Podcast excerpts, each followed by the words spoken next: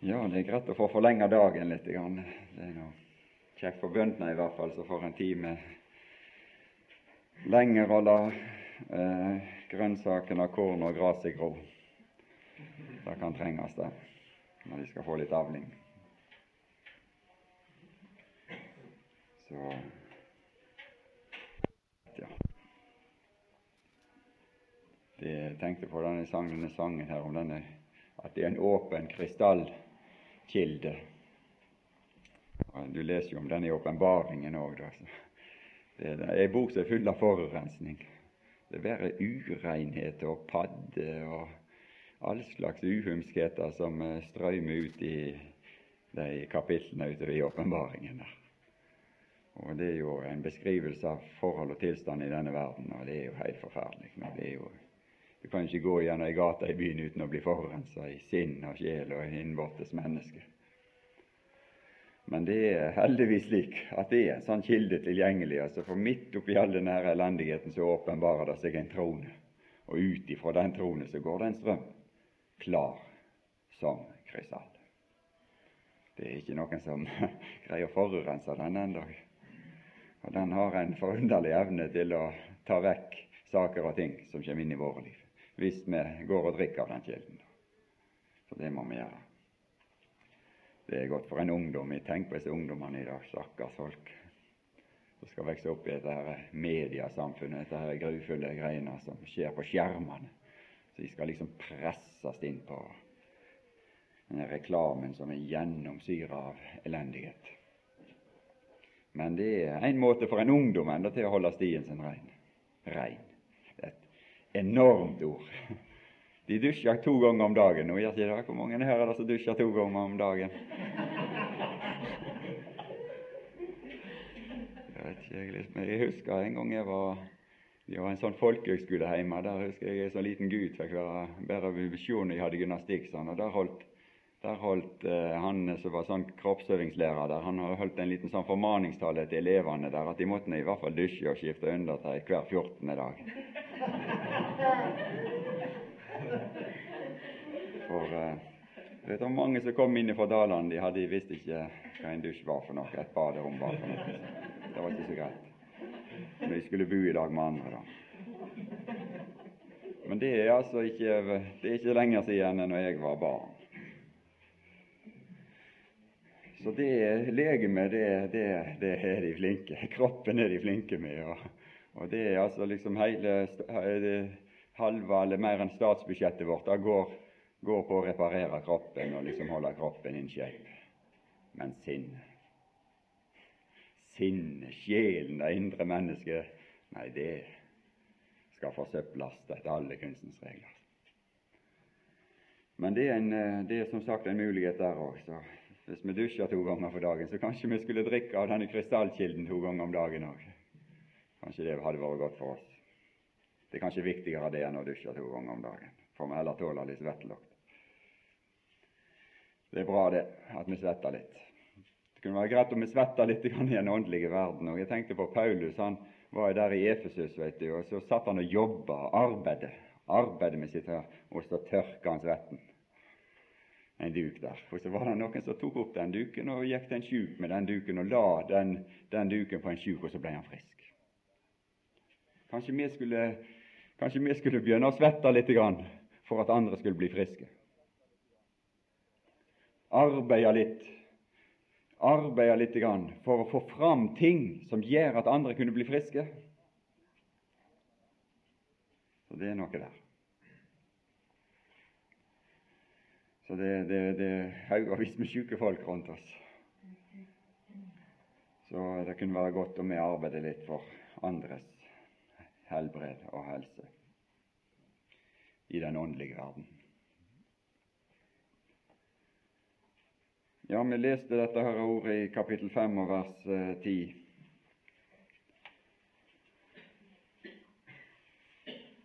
Så skal vi så meget mer bli frelst ved Hans liv etter at vi er blitt forlikt. I de, de versene som fortsetter utover her i kapittel 5 i Romerbrevet, så leser vi om to riker, to troner, to herrer, kan du si. to herskere og liksom et, et, et livsinnhold og ei frukt og et resultat.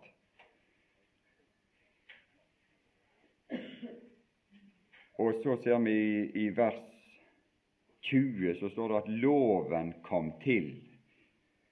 Og den kom til i det riket, i det, de forhold der synden hersker, der synden regjerte og døden regjerte, og loven kom til for å åpenbare syndens storhet. Den førte Gud inn i de sammenhenger der. For at fallet skulle bli stort, det vil si at synden skulle åpenbares i sin makt og grunn. For eh, saken er den at vi som mennesker vi er ikke klar over realitetene. Vi er ikke klar over hva vi bor i. Vi er ikke klar over hva slags krefter som, som eh, arbeider over oss og i oss.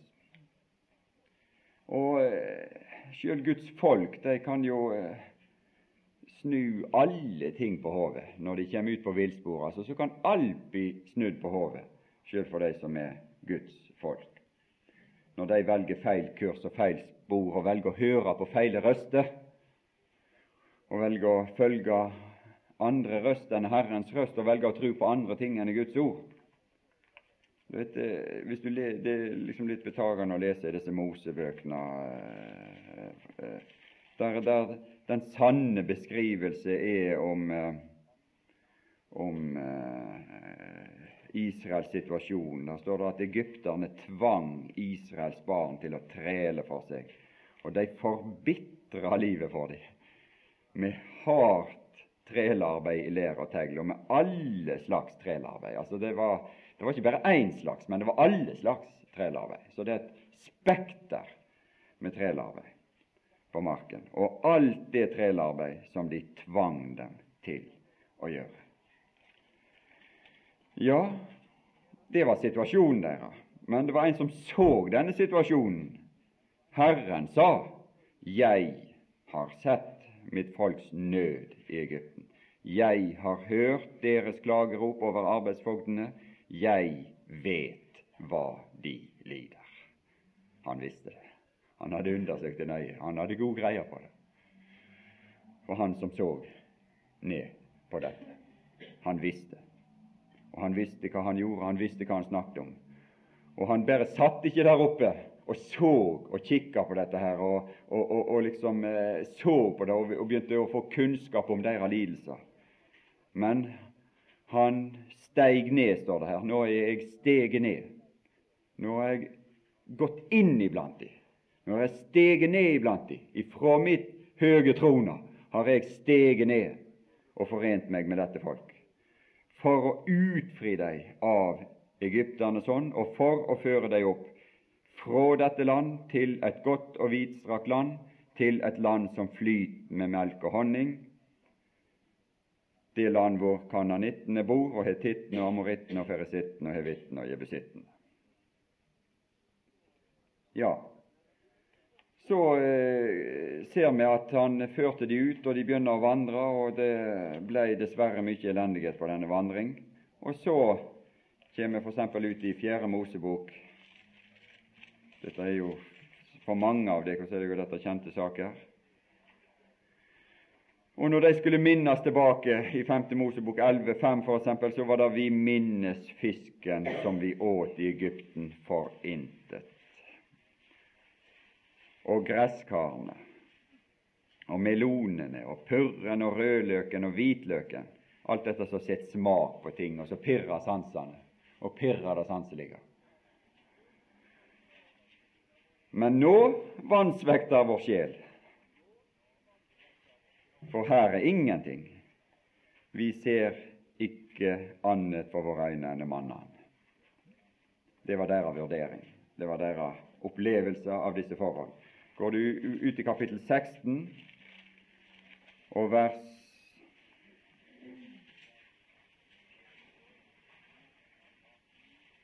Tretten, så sier de til Moses er det ikke nok at du har ført oss opp fra et land som flyter med melk og honning. Slik betrakter de Egypten.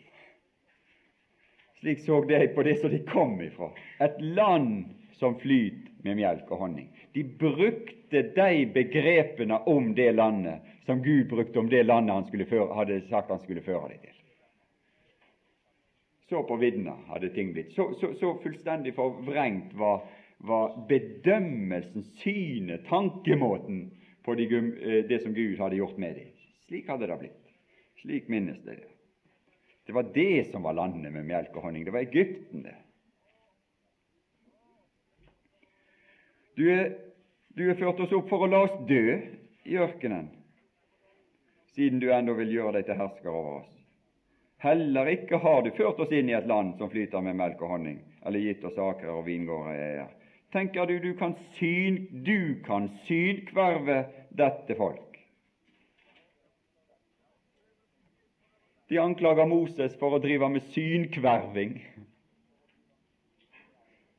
For folk liksom de, ja, han, han, hadde forført de nærmest. Han hadde innbilt de ting. Og det han talte om, og det landet han talte om, og det han sa Herren hadde lovt dem, og det som de skulle gå inn til, det var falskneri i deres bedømmelse. Og når Moses ser tilbake på disse når de står nå der ved Jordan etter mye om og men, og så taler han tilbake om disse ting i kapittel 1 i 5. Mosebok.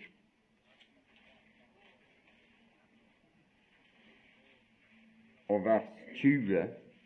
Når de hadde kommet når de var kommet til Amorittafjellene som Herren vår Gud ville gi oss, sier han.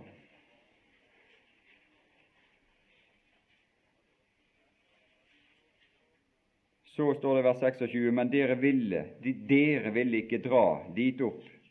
Dere var gjenstridige mot Herrens, deres Guds ord. Og dere knurret i deres telter og sa, Herren hater oss. Det var deres opplevelse av Herren. Han hater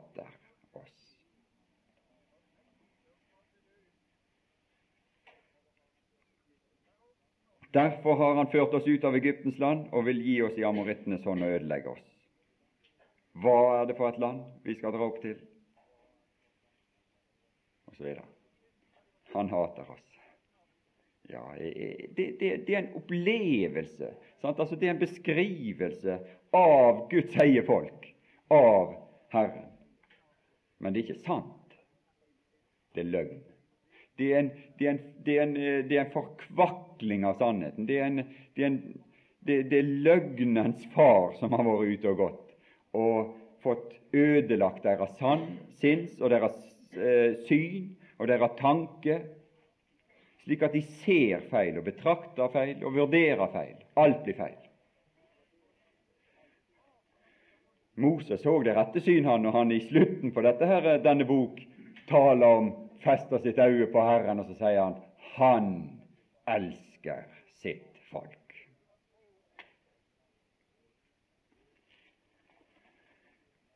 Så, så, så, så ut på viddene altså kan saker og ting komme. Så på hovet kan alt snus.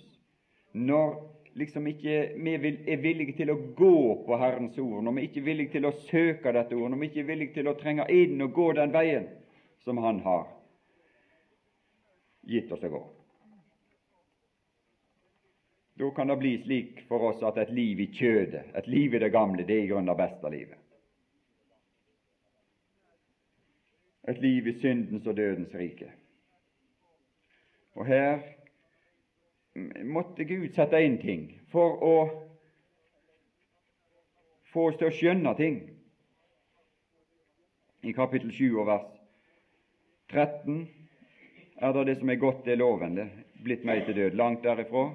Men det var synden for at den skulle vise seg som synd. Det er bare Guds ord som er i stand til å vise fram det sanne ansiktet av et liv i synd. Å få fram det, det virkelige ansiktet til synden.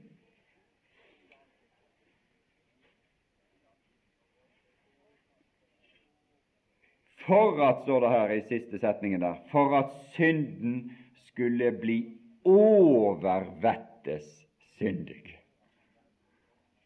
Ordet 'overvettes' det, det er et ord som du vet, I matematikken på skolen så har de noe som, en figur som heter en hyperbel. Og Det er det ordet som er brukt her.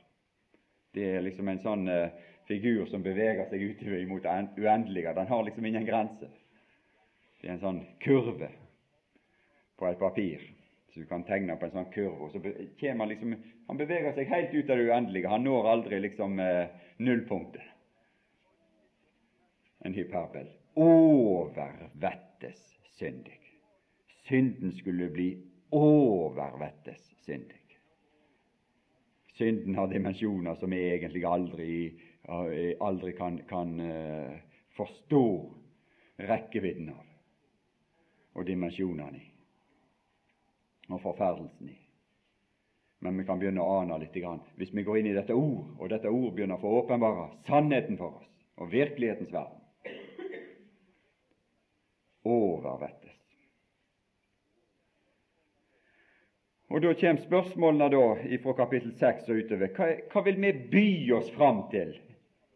Hva er, det, hva er det vi vil by oss fram til? Hva er det vi vil by våre lemmer fram til som tjenere? Er det som tjenere under synden, eller er det som tjenere under nåden?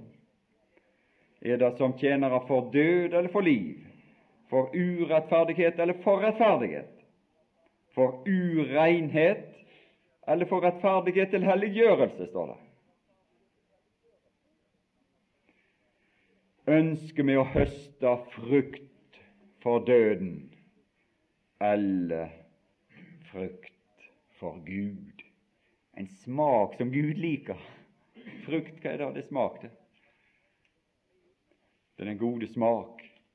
Ordet vesen har òg noe med frukt å gjøre. Det er liksom en eh, det er noe du, du, du setter på bordet liksom, for at det skal bli en god duft og en god smak. Frukt for Gud. Det som smaker godt jo Gud, ja, men da må du kjenne Guds smak, da. Hvis du skal uh, gjøre suksess når du får besøk eller har noen hos deg, så må du vite litt om deres smak. Og hvis vi skal uh, kunne bære frukt for Gud, så må vi lære Gud å kjenne, så vi vet hva, vet hva slags smak han har. Om han liker blått eller rødt, eller gult eller grønt. Han liker alle farger, han, han har jo skapt alt. Men det er noe som er velbehagelig for Gud, og det er noe som ikke er velbehagelig for Gud. Hvordan kan jeg vite det? Hvordan kan jeg skille om det? Ja, når vi er bare, Det står om, i Hebreabrevet om at vi har ikke våre sanser oppøvd til å skille mellom det som er godt og det som er ondt. Og Da tror vi at alt er godt. Alt tror vi er godt. Det er noen som tror at alt er godt. Og de tror de kan tjene Gud med alt mulig. Alt mulig kan de tjene Gud med i våre dager. Ikke grenser for hva en kan tjene Gud med. De kommer snart til å opprette bordell, det kan du være helt sikker på, for å tjene Gud. Det har de hatt før i, i kirkehistorien. Det kommer å komme opp igjen, det kan du være helt sikker på. Men eh, det er fordi de ikke kjenner Gud. De kan gjøre sånt. De kjenner ikke Guds smak. De bærer ikke frukt for Gud. De blir frukt for døden. Når vi kommer over i kapittel 7 jeg, har, jeg, tror ikke jeg har tid til å Jeg kunne sagt litt om disse her, denne her kvinnen og den gifte kvinne osv. her. Liksom, da, der, der står noe det at, eh, at her her er, det, her, her er det en gift kvinne som trenger å bli løst fra mannen. Ekteskap er jo en veldig god ting, ikke det? Det er den ypperste ting som Gud har funnet opp, hadde han sagt. Det er den første, det den første mellommenneskelige forhold som, som, Gud har omtalt i Skriften. Og Den første, den første anbefaling han har over hodet til menneskene. og det er Oppskrifter til et godt ekteskap sånn i det naturlige, det er det første Gud sier. liksom, Derfor skal mannen skille seg fra sin far og sin mor og holde seg ikke til andre, men til sin hustru. Føl det budet, og det går bra. Det skal gå bra i livet. Så enkelt er det. og Bryt de tingene der, og det går ikke bra. Så Du skal ikke leve på foreldre og svigerforeldre. Du skal danne din egen enhet. Du skal forlate din far og din mor og holde seg til sin hustru. Så så enkelt er det, de sakene der. Det er det første som Gud har innført i denne verden. Men her, når disse her forholdene her, det kan bli slik at, at denne gode sak og institusjon kan bli en forferdelse når forholdene ikke er slik som de skal. Og her ble, med oss ble det slik. Vi ble, hadde nær sagt, gift med synden. Og det var et forhold som måtte bringe oss til opphør, som løste oss ifra de forholdene der, for at vi skulle komme inn i et annet forhold som skulle tilføre oss liv. Og det er det som det er tale om der. Men så føres inn to nye tjenestebegrep her i kapittel 7 vers 6. Da står det om ei tjeneste i bokstavens gamle vesen og ei tjeneste i Åndens nye vesen. Det er to nye sider. Forskjellen på bokstav og på ånd hva er det? det Paulus sier det er en annen plass at bokstaven slår i hjel. Og han kaller bokstaven for ei dødens tjeneste. Mens den, den, går på mennesket, denne bokstaven. Den, går på, den, den taler om mennesket og de ytre forhold. Og, og eh, forordner en hel del ytre forhold, sanselige ting og den har ei, ei gudstjeneste som går på seremonielle forhold. Det er bokstaven. Ånden er av en annen karakter. Ånden gir liv. Det er livets tjeneste. Det ei tjeneste som er forbundet med herlighet. Der, der disse, her, disse, andre tingene det på en måte blir, blir, blir Det ordner seg sjøl. Tror du det? at det går an å leve i Guds nærhet og i synd samtidig. Det er umulig, det. Det er en umulig Guds eh, kombinasjon. Alt annet som er imot den sunne lære etter evangeliet om Guds herlighet. Det er en umulig situasjon å være under inni Guds herlighet og under innflytelse av dette og samtidig leve i synd. Det, det lar seg ikke kombinere.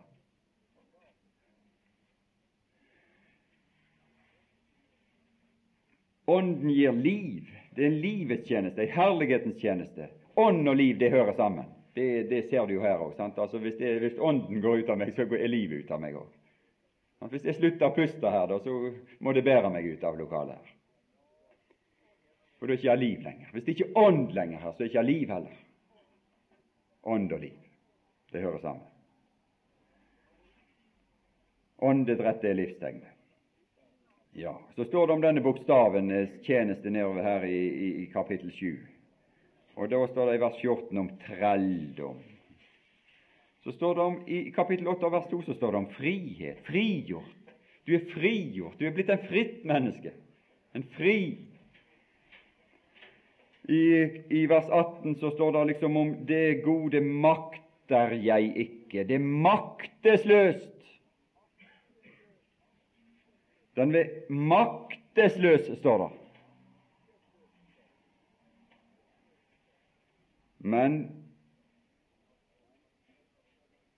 i kapittel 8 står det om lovens krav som skulle bli oppfylt i oss. I 7.24 så står det om 'jeg elendige menneske'. I slutten på kapittel 8 så vinner den samme person seier og en uovervinnelig mann. Den samme person.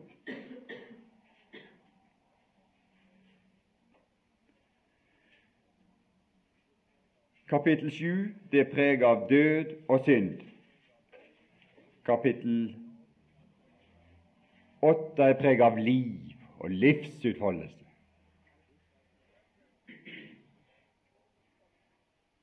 Hva er det som er forskjellen, liksom? Hva er det som utgjør den store forskjellen? Det er én forskjell, og forskjellen er Kristus Jesus.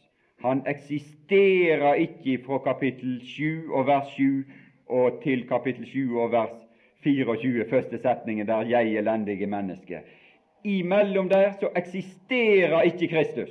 Han er, han er satt utenfor. Han er tilsidesatt. Men så føres han inn i andre delen av 724, og så forandrer alt seg. Så blir det en totalt ny situasjon for dette mennesket. Kristus er fra kapittel 7 og vers 24 så er Kristus blitt alt. Da er alt knytta til Han. Da er det alt i Han, eller ved Han, eller med Han, eller alt har med Han å gjøre. Alt utføres i og med Han. Alt dreier seg om Sønnen. Og så skjer det ting. I kapittel 8 vers 29 så begynner det å skje ved Han, ved denne opptattheten, ved denne fokuseringa på Han, ved at Han er alt og i sentrum og i alle ting, så skjer det at det er noe som blir likedanna med Han i oss som blir opptatt med Han. Det er slik det er. Men vi blir det vi ser på. Sant? Det er, det, det er, jo det, vi ser. Vi blir det vi ser på. Vi blir det vi er opptatt av. Det er slik vi blir. Og det er det vi begynner å gi uttrykk for når vi skal gi uttrykk for. Kunstnerne de gir uttrykk for det som er inni seg. Picasso han har, har uh, gitt uttrykk for det som bodde inni han.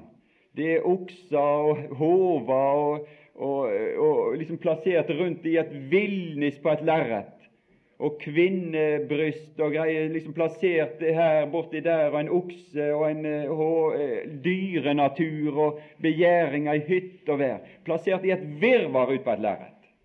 Hvorfor er det slik? Fordi det var slik han var innvendig. Det var dette som herja i han inni han.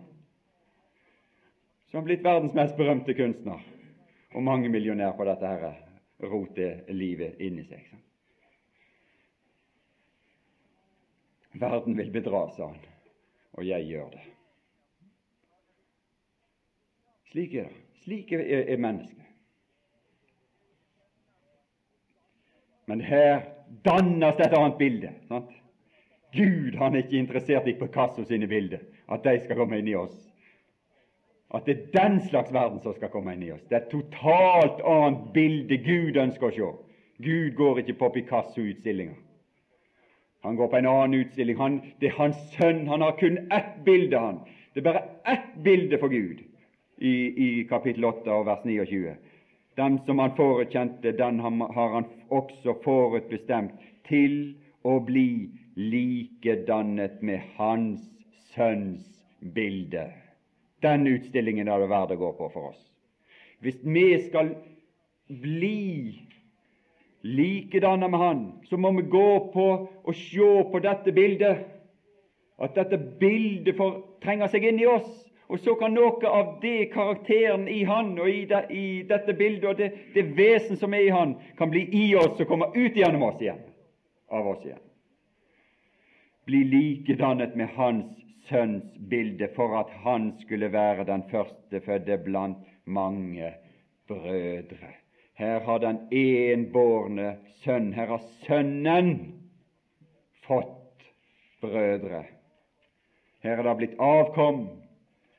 Her har Gud, som sendte sin sønn inn i verden, nå har dette avfødt brødre. Det er blitt skapt brødre som bærer de samme trekk som har de samme trekk i seg. Det er det, det, det, det, det, alt Guds ord fører fram til. All lære og Paulus da skal føre fram til liv, et liv i Kristus. Det er det han er interessert i.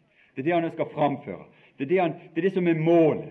At Faderen skal eh, åpenbares for oss, og at, at eh, vi skal få et forhold til Gud som far og begynner å få et forhold som, som hans i denne verden, som hans sønner, av samme art og karakter som hans enbårne sønn hadde når han gikk på denne jordens overflate.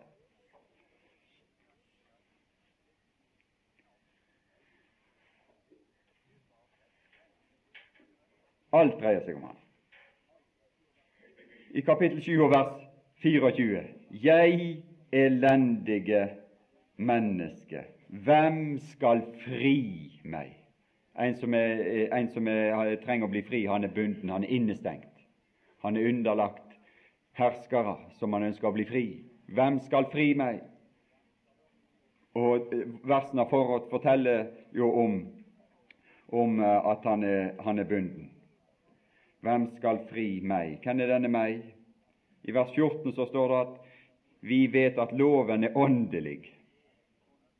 Jeg derimot er kjødelig.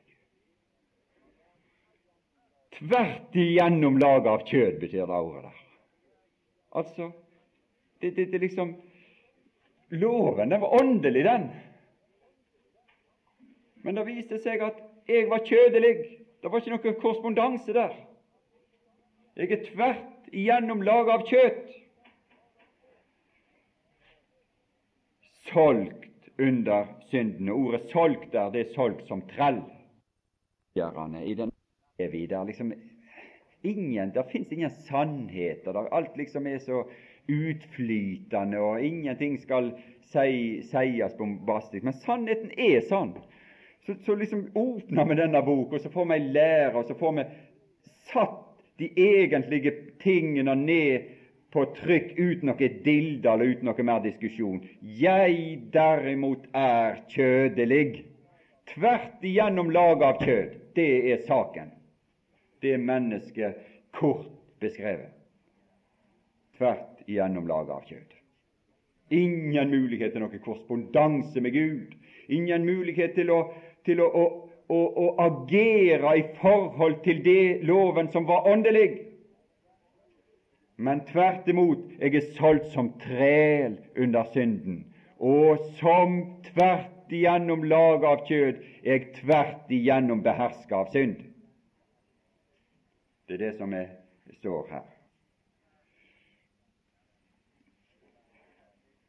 Hvem skal fri meg? Ja, for jeg har jo lyst, står det her i vers 22. Jeg har lyst til Guds lov. Det er ikke et vantro, i og for seg ufrelst menneske som det taler om her. Det er, jo, det, er jo, det er jo, et Guds barn det taler om her. Det, de andre har jo ikke lyst til Guds lov. Jeg har lyst, det var min lyst, til Guds lov etter mitt innvortes menneske. Men jeg ser, jeg observerer at det er andre lover som virker i mine lemmer. Ei annen lov.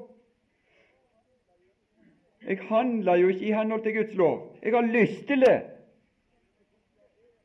Men jeg observerer ei annen lov i mine lemmer som strider mot loven i mitt sinn og tar meg til fange under syndens lov den som er i mine lemmer.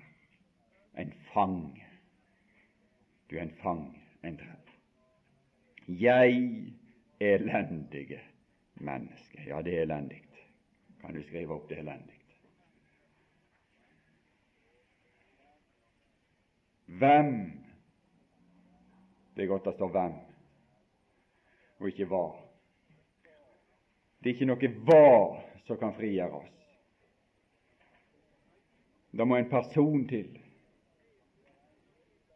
Det er bare en person som kan bryte ut i fengselet og gi meg noe. Det er ikke en ny lov. Det er ikke noen nye sånne saker. Det er ikke nye forordninger. Det er ikke nye sånne ting som kan fri meg ut av mitt elende. Det må komme inn en person utenifra inn i mitt liv hvis jeg skal bli fri fra dette dødens legeme. Og så, ifra denne stund, ifra dette tidspunkt, så snus fokus. Så snus det som en ser på, så snus det som en betrakter på. Nå har en sett og observert ei annen lov som virker i mine lemmer. Nå har jeg studert det. Nå har jeg, blitt, nå har jeg bare konstatert faktumet med de sakene der. Nå begynner jeg å studere noe annet. Nå begynner jeg å studere en annen person Nå vender jeg med blikket mitt, sinnet mitt, tanken min Alt gir jeg akt på en annen person, på et annet menneske, på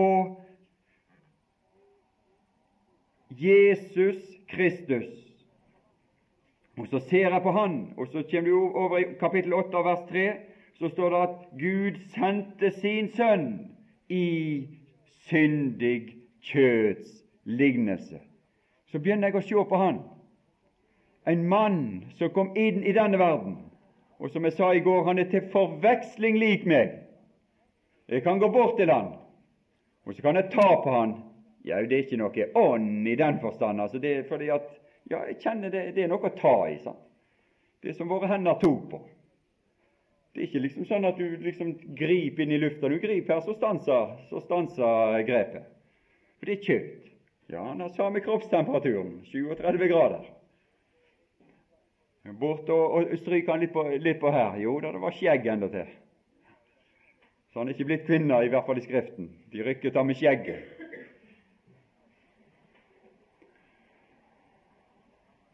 Og, og, og, han var kledd, og han ble trøtt, og han åt. Hva, hva mat er det du et, Jesus? Er det samme sorten som oss? Ja, det var samme sorten. Akkurat samme maten. Ja, eh, det var blod endatil i årene på han. I syndig kjøds lignelse. Alt er likt med mine lemmer i det utvortes. En arm, en fot, ei tunge, hår, skjegg alt er likt med oss. Men der slutter likheten. Der slutter likheten. Da er det ikke mer som er likt.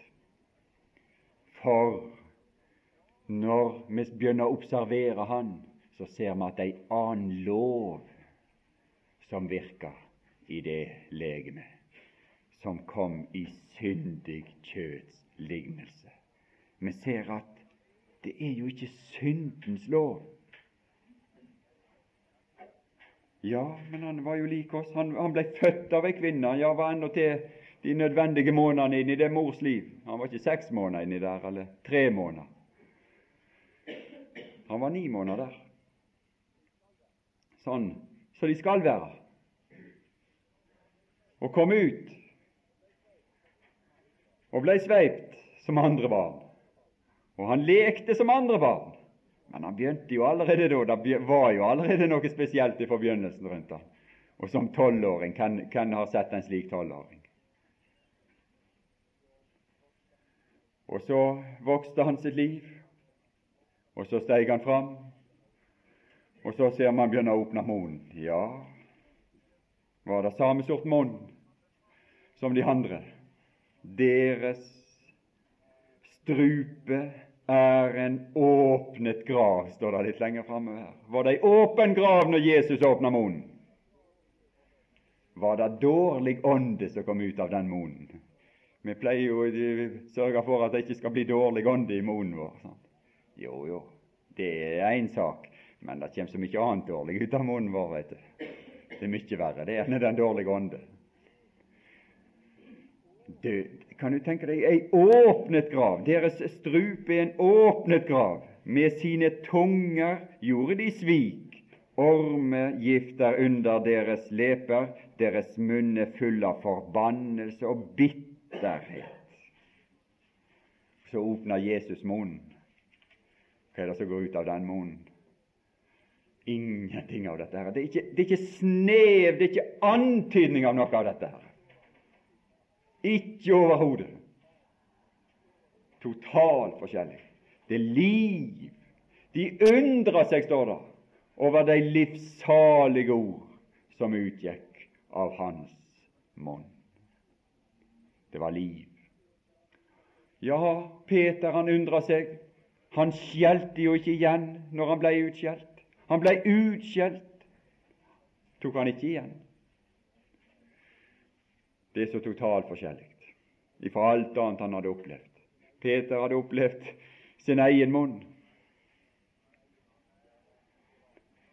Og der var mye rart som kom ut. Men han hadde opplevd Jesu munn. Der kom aldri ut noe av den slags. Det var liv. Alt som kom ut der, var liv. Han ble aldri svarskyldig. Den mann som ikke snubler i tale, er en fullkommen mann, sier Jakob. Var, han ble utsatt for de mest intrikate prøver. I dag har de, de kaller det for grilling, ikke det de gjør når de utspør spør sånne folk. Jesus ble grilla av de mest uh, utspekulerte journalister etter alle kunstens regler. Han ble aldri svarskyldig. Han, hadde, han svarte på alle ting. Og han stoppa munnen på alt og alle. De, det, var, det ble slik at de tørde ikke ha et intervju med han. Det var ingen som turte å intervjue han til slutt. De tørde ikke, fordi at de ble sjøl avslørt.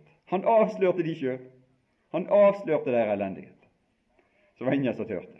En mann som ikke snubler i tale, er en fullkommen mann. Det er det, han var. Slik var han. Det var ikke syndens lov som rådde og regjerte i hans lemmer. Han var i syndig kjøtts lignelse. Han hadde ei tunge som var lik mi. Men det han sa, var annerledes. Og hvor var det hans føtter førte han? Hva var det han gjorde? Ja, han kunne gå ut på et vann, og kreftene i hans legeme, eller disse kreftene som i våre legeme, de trekker oss ned, men ikke han. Han kunne gå der, han kunne stå der, han kunne være der. Ja, men det var ikke han i sitt legeme, da var det ei ånd som sto på, på Genesaretsjøen. Det var ikke ei ånd. Han kunne rette ut sin hånd og ta Peter opp der, og Peter kunne kjenne håndtaket. Det var ikke liksom noe luftige greier Peter fikk oppleve når han ble trukket opp, men han fikk oppleve et, et håndtrykk som drog han opp. Ja, men hvorfor gikk ikke Jesus ned? Nei, for han var annerledes. Det var noe i han som var annerledes. Da var han var ikke underlagt syndens lov. Virka ikke i hans lemmer og trekte han ned. Han gikk bort med sin hånd. Det var en spedalsk som kom til han og spør. 'Hvis du vil', sa han, 'så kan du gjøre meg rein.' 'Jeg vil', sa Jesus, og så la han hånda på den spedalske. Ja, hvis jeg hadde gjort det, så hadde jeg blitt spedalsk. Men han gjorde det. Han gjorde det. Fordi han, han, han, det, det, var det var i syndig kjøtts lignelse, men det var andre lover som var i han, det var andre krefter som bodde i han. han var, det var en annen lov som virka i hans lemmer. Det var nemlig livets ånds lov som, som utfolder seg i hans lemmer. Og så kunne han si 'Jeg vil bli ren'. Det var en som eh, ikke hadde syn. Og så tok Jesus og så spytta han ned på bakken, og så gjorde han en deig, og så klinte han der på øynene hans. Jeg vil lure på hva de ville sagt på et sykehus i dag hvis noen hadde kommet på uh, noe sånt vårt spytt som er fullt av all slags urenskheter. Altså, det, er jo, det, er jo, det vi er redd for. De sier til ungene at nå må du holde deg for monen at det ikke liksom, sant, når de hoster og sånne ting, at du ikke sprer alskens alle disse bakterier og virus og forferdelse. Ja. Han, han spytta, og så lagde en ei sånn rør av det. Merkelige greier. Merkelige greier. Ja, men han blei han ble, han ble sjående i kontakt med, med denne mannen. Det er han annerledes. Her står det om deres føtter er snare til å utøse blod. Han har ikke utøst annet enn sitt eget blod. Han Han har ikke utøst blod av en eneste en. Han utøste sitt eget blod for å vinne, mens andre utøses andres blod for å komme seg oppover i hierarkiet. All krig er basert på det at du skal utøse andres blod for sjøl å få makt. Men han utøste sitt eget blod, han, og så førte Gud han opp til makt. Fred, ødeleggelse og uselhet er det på deres veier. Jesus gikk igjennom bygda, og han helbredet all sykdom og all skrøpelighet. Da forsvant så dugg for solen der han får fram. Det var hans vei. Det er hans vei. Freds vei kjenner de ikke. Freds vei. Men han er fred. Han, han er bare fred. Og han sier fred, og han er fred. Og det blei fred. Og der han er, så er liksom det freden. Fred være med dere, sa Tror du han var fred, da? Og det er ikke Guds frykt for deres øyne. Hva var det hans øyne var opptatt med? Hva var det han betraktet? Hva var det han så etter? Hva var det han, hans øyne søkte? Han søkte Guds frykt. Han søkte Gud. Han søkte Guds vei. Det var det han så etter. Fordi det er en annen lov som var i hans lemmer. I, dette, I, denne personen som var tilsynelatende nøyaktig lik meg og deg, så er han beherska av totalt andre ting som utgår igjen og gir seg uttrykk i hans lemmer. Livets ånds lov er det som er i han. Og så skjer dette forunderlige at Gud sendte sin sønn i syndig kjøts lignelse, og så for syndens skyld. Og i denne fordømmer han synden i kjødet. Denne synden som utfolder seg i våre lemmer. Synden i kjødet fikk sin dom og sin fordømmelse og sin straff. Jeg sa at loven den forkynner dommen. Fordømmelsen er selve utøvelsen av dommen. I henhold til det som står f.eks. i Johannes 8 der. Har ingen fordømt deg, spør det Jesus. Det betyr er det ingen som har kasta steinene på deg? Det som loven sa skulle skje med ei slik kvinne. Men her har fordømmelsen, lovens fordømmelse over synden i kjødet, den rammer han. Han fordømte synden i kjødet. Og ved tro flytta et menneske inn i han, og da er forholdet slik at det er ingen fordømmelse for dem som er i Kristus Jesus. Det finnes ikke fordømmelse. Fordømmelsen er, er, er unnagjort for den som er Jesus, Kristus Jesus så er det da ingen fordømmelse. Ja, du går på en måte Dette elendige mennesket i kapittel 7, som var så opptatt med seg sjøl og så syndens lov virke i sine lemmer. Han begynte å betrakte en annen ting. Han begynte å betrakte denne personen og begynte å, å betrakte hva, han, hva som skjedde ved Jesus. Og da ser han at ja, men fordømmelsen for denne syndens lov som er i mitt kjød, den har Gud latt ramme sin egen sønn, som kom i syndig kjøds lignelse, og for syndens skyld, og han fordømte synden i kjødet, så er det da ingen fordømmelse for meg. Men ikke bare det, at det ikke er noe fordømmelse for meg, men den livets ånds lov som var i Kristus, den har også frigjort meg ifra syndens og dødens lov. Og så åpner det seg en mulighet, så åpner det seg en, en vei til å bli dreven, bli ført inn av denne ånd, inn i det samme forhold, i noe av den samme art, at noe av denne livets ånds lov skulle virke også ut igjennom meg og så kan veldig mye snu seg. Og Det er det som er den store forskjellen her på kapittel 7 og 8. Og så, så, så fortsetter kapittel 8 her med en kamp, med en krig, mellom det som er etter kjødet, og det som er etter Ånden. Ei vandring, som det står tale om i, i, i, i vers 4, som ikke vandrer etter kjødet, men etter Ånden. Hvis du vandrer etter Ånden, så vandrer du etter Kristus.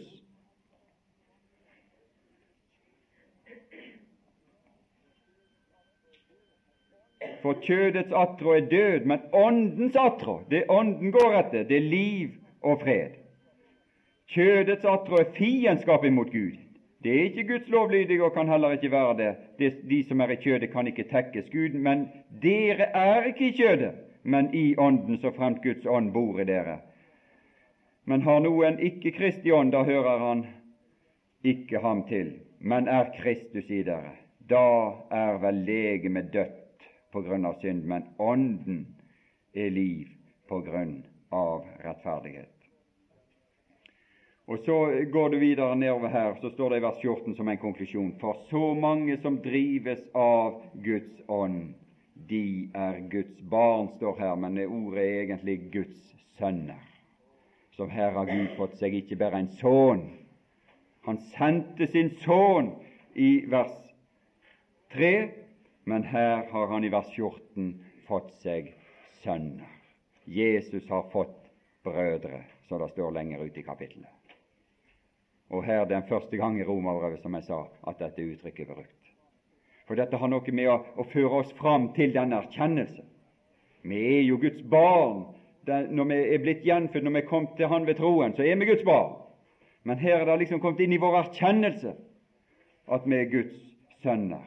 For dere fikk jo ikke trelldommen sånn, altså at vi skulle fortsette i trelldom, at vi skulle fortsette å være syndens og dødens trell, og ei ånd som, som den ånd som knytt, er knytta til det, så dere atter skulle frykte. Men dere fikk sønnekårets ånd, ved hvilken vi roper 'Abba, Far'. Vi roper, vi går igjennom et liv i denne verden på samme måten som Jesus gjorde, da vi har en åpen himmel over oss, og vi sier 'Far, Far, Far'. Hele hans liv så er det, en, er, er, er det, er det en, en han løfta opp sine øyne mot himmelen og sa 'Far'. De ser det igjen og igjen og igjen og igjen. Og helt inn i hans død så sier han 'Far, i dine hender overgir jeg mi ånd'. Det ropte han med høg røst på korset. Han ropte ikke 'det er fullbrakt', det står ikke, i hvert fall ikke i Bibelen. Han står at han sa 'det er fullbrakt'. Men det som står at han ropte, det er Far, han ropte endatil med høy røst, Far, i dine hender overgir jeg mi ånd. Og det er denne sin Sønns ånd Gud har latt bo i våre hjerter, som roper Abba, Far. Det er saker og ting. Det er saker å kunne gå ut av denne verden med et slik rop over sine leper. Far, i dine hender over gir jeg mi ånd. Som Stefanus også sa at Jesus, nå overgir jeg mi ånd til deg. Ta imot mi ånd. Dere fikk jo ikke trelldommens ånd, så dere atter skulle frykte, men fikk sønnekårets ånd, ved hvilken vi roper Abba, Far. Ånden selv vitner med vår ånd at vi er Guds barn. Det er en korrespondanse her. Og som Guds barn og som, som Jesu brødre så er det Guds velbehag, og så er det Guds vilje, og så er det Guds ordning at vi skulle dele alle ting med Han. Alle ting med Han, også litt av den trengsel han hadde i verden, skulle vi dele med Han. Men også dele herligheten med Han. Han, han i vers 32 han som ikke sparte sin egen sønn, men gav han for oss alle. Jeg vet ikke, Hvis du satt med en svær kapital, hva du ville satsa pengene dine på? Hva slags prosjekt ville du satsa pengene dine på? Gud hadde en stor kapital som het sin sønn. Det var alle hans verdi en enorm kapital. Og så satsa han hele sin kapital og investerte i oss. Ja, han er annerledes Gud enn oss, det kan du være sikker. Han sparte ikke. Vi ville vel spart med, tror ikke du det? Du ville vel spart, men han sparte ikke. Han er annerledes. Han, hans hjertelag, hans sinn, hans kjærlighet, hans vesen er annerledes enn vårt. Men det er noe av dette vesen som han ønsket også skulle komme inn i oss.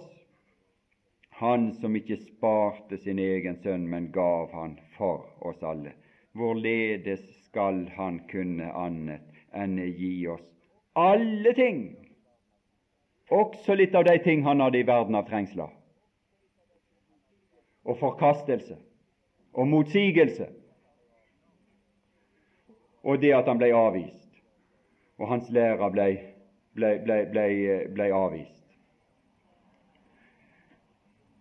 Men også hans herlighet, hans oppstandelse, hans herlighet. Han er kront med herlighet og ære. Og han er den personen som all framtid er knytta til.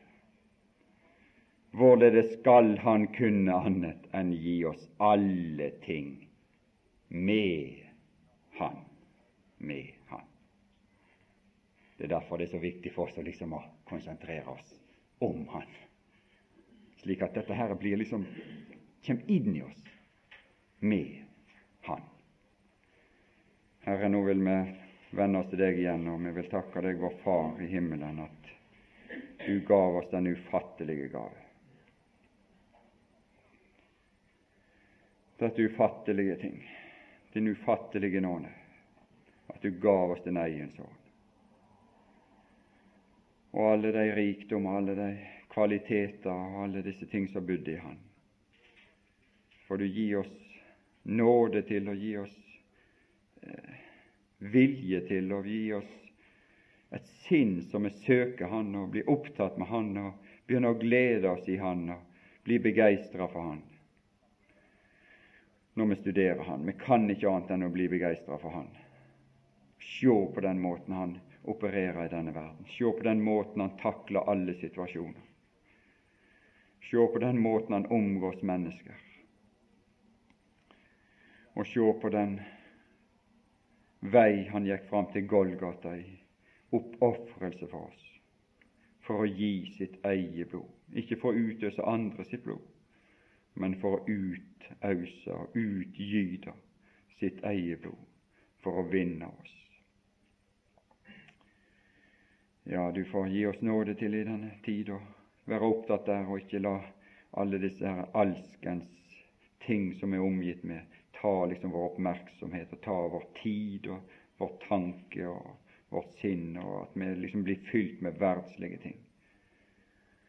Det, vi har så enorme muligheter for kjødet i dag.